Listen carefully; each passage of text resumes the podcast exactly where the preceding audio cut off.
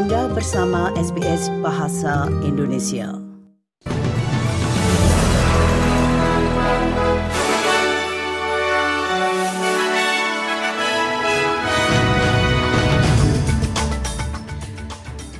Warta berita SBS Audio untuk hari Rabu tanggal 4 Juni.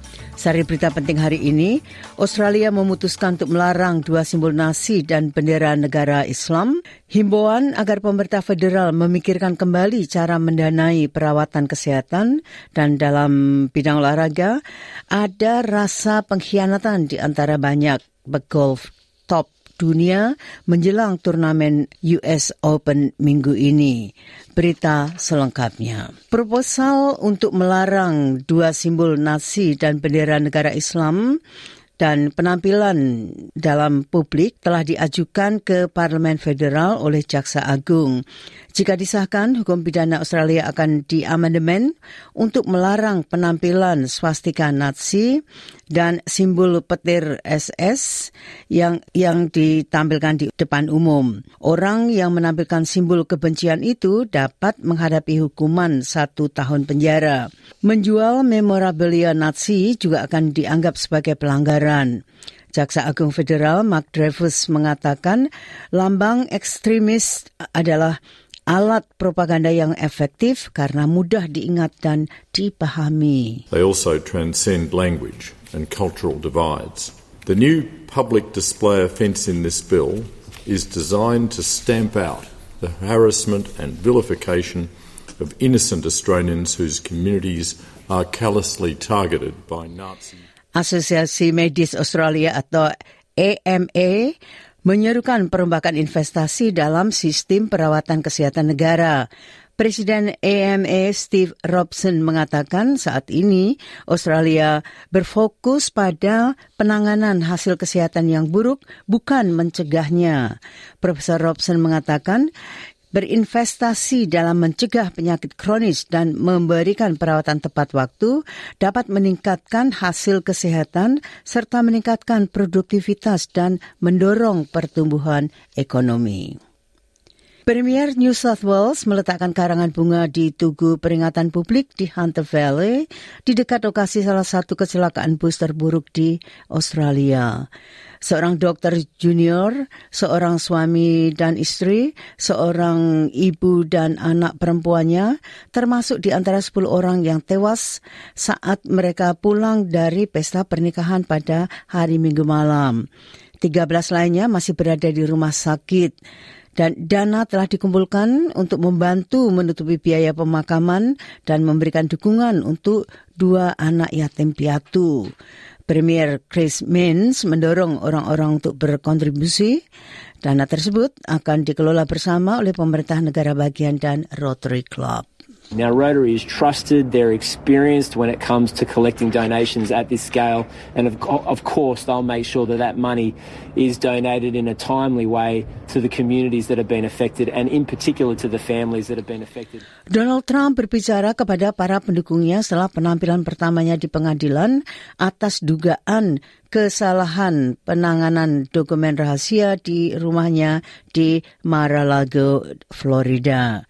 Mantan Presiden Amerika itu mengaku tidak bersalah atas semua 37 dakwaan yang diajukan terhadapnya di Gedung Pengadilan Federal di pusat kota Miami, di mana banyak pendukungnya berkumpul di luar.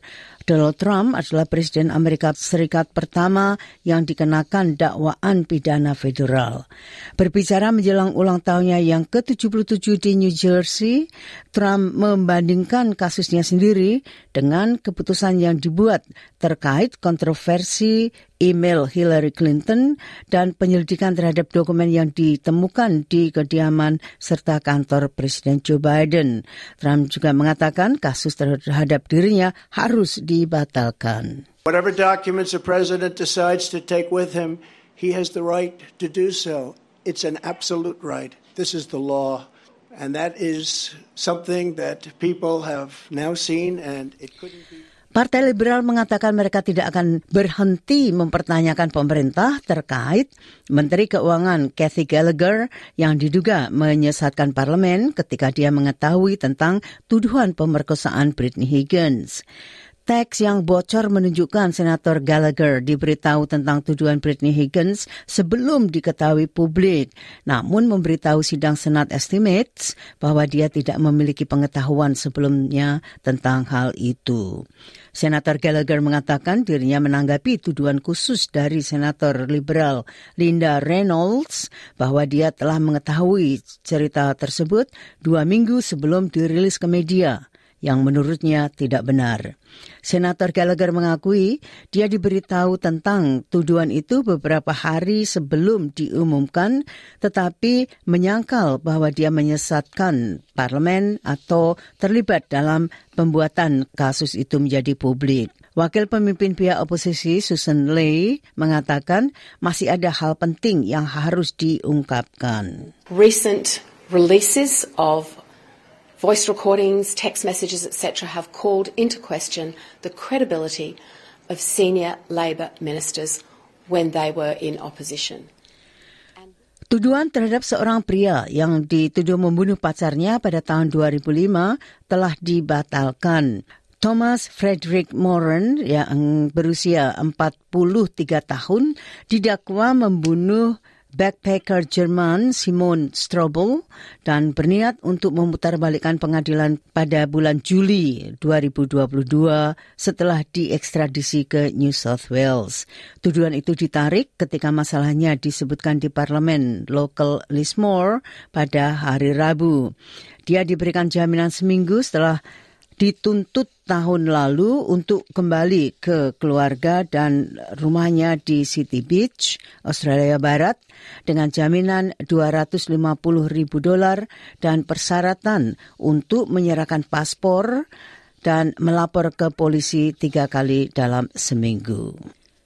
Seorang seniman Tionghoa Australia menyerukan dukungan terhadap pemerintah Australia setelah pejabat Cina mencoba menghentikan pertunjukan terbarunya di Polandia. Seniman yang berbasis di Melbourne yang bernama Badiah Chow meluncurkan pameran di Pusat Seni Kontemporer di Warsawa pada hari Jumat.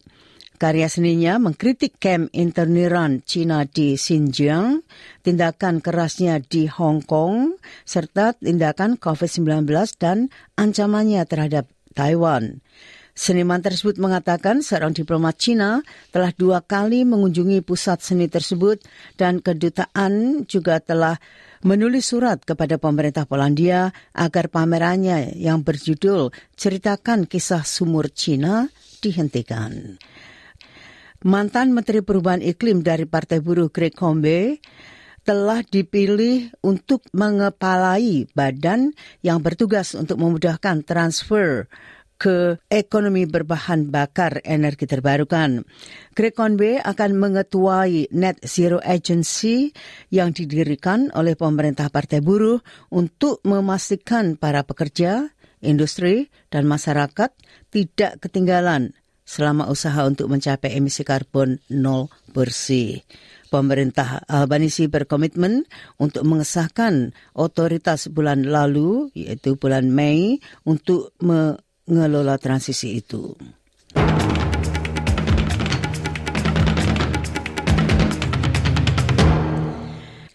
Nah, dari cabang olahraga golf, John Ram mengatakan banyak pemain top dunia merasa dikhianati menjelang turnamen besar ketiga putra tahun ini di Amerika Serikat. Ram adalah pemenang The Masters awal tahun ini dan pemain peringkat dua dunia. Pemain Spanyol itu termasuk di antara mereka yang tetap setia pada PGA Tour yang telah mapan itu karena banyak lainnya yang membelot ke LIV Golf saingan yang ultra kaya yang didukung, didukung oleh Saudi yang namanya berrima dengan member uh, dengan memberi tur itu. Namun kedua entitas tersebut pekan lalu sepakat untuk bergabung mulai tahun depan membuat dunia olahraga tertegun. Ram mengatakan para pemain masih belum tahu bagaimana golf pria akan bekerja tahun depan dan mereka yang menolak sejumlah besar uang dari LIV untuk tetap setia pada PGA sekarang tidak terlalu percaya pada mereka yang menjalankan olahraga tersebut. Well, there's a lot of not answered questions. Uh, it's tough when it's, you know, as a week before a major. I mean, I'm trying not to think about it as much as possible. Uh, you want to have faith in management, and I want to have faith that this. US Open itu akan dimulai di Los Angeles pada hari Jumat ini tanggal 16 Juni.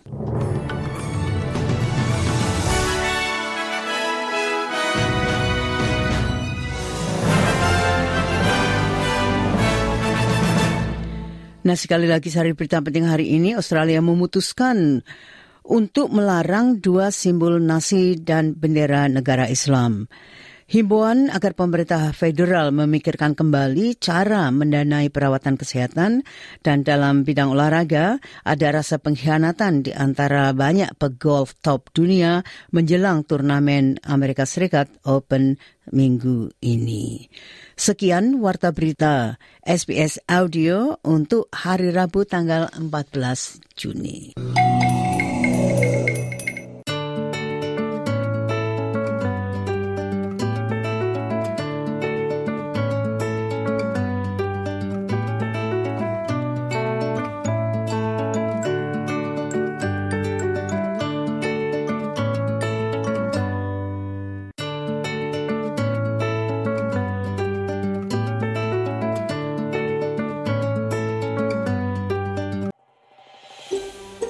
Anda ingin mendengar cerita-cerita seperti ini?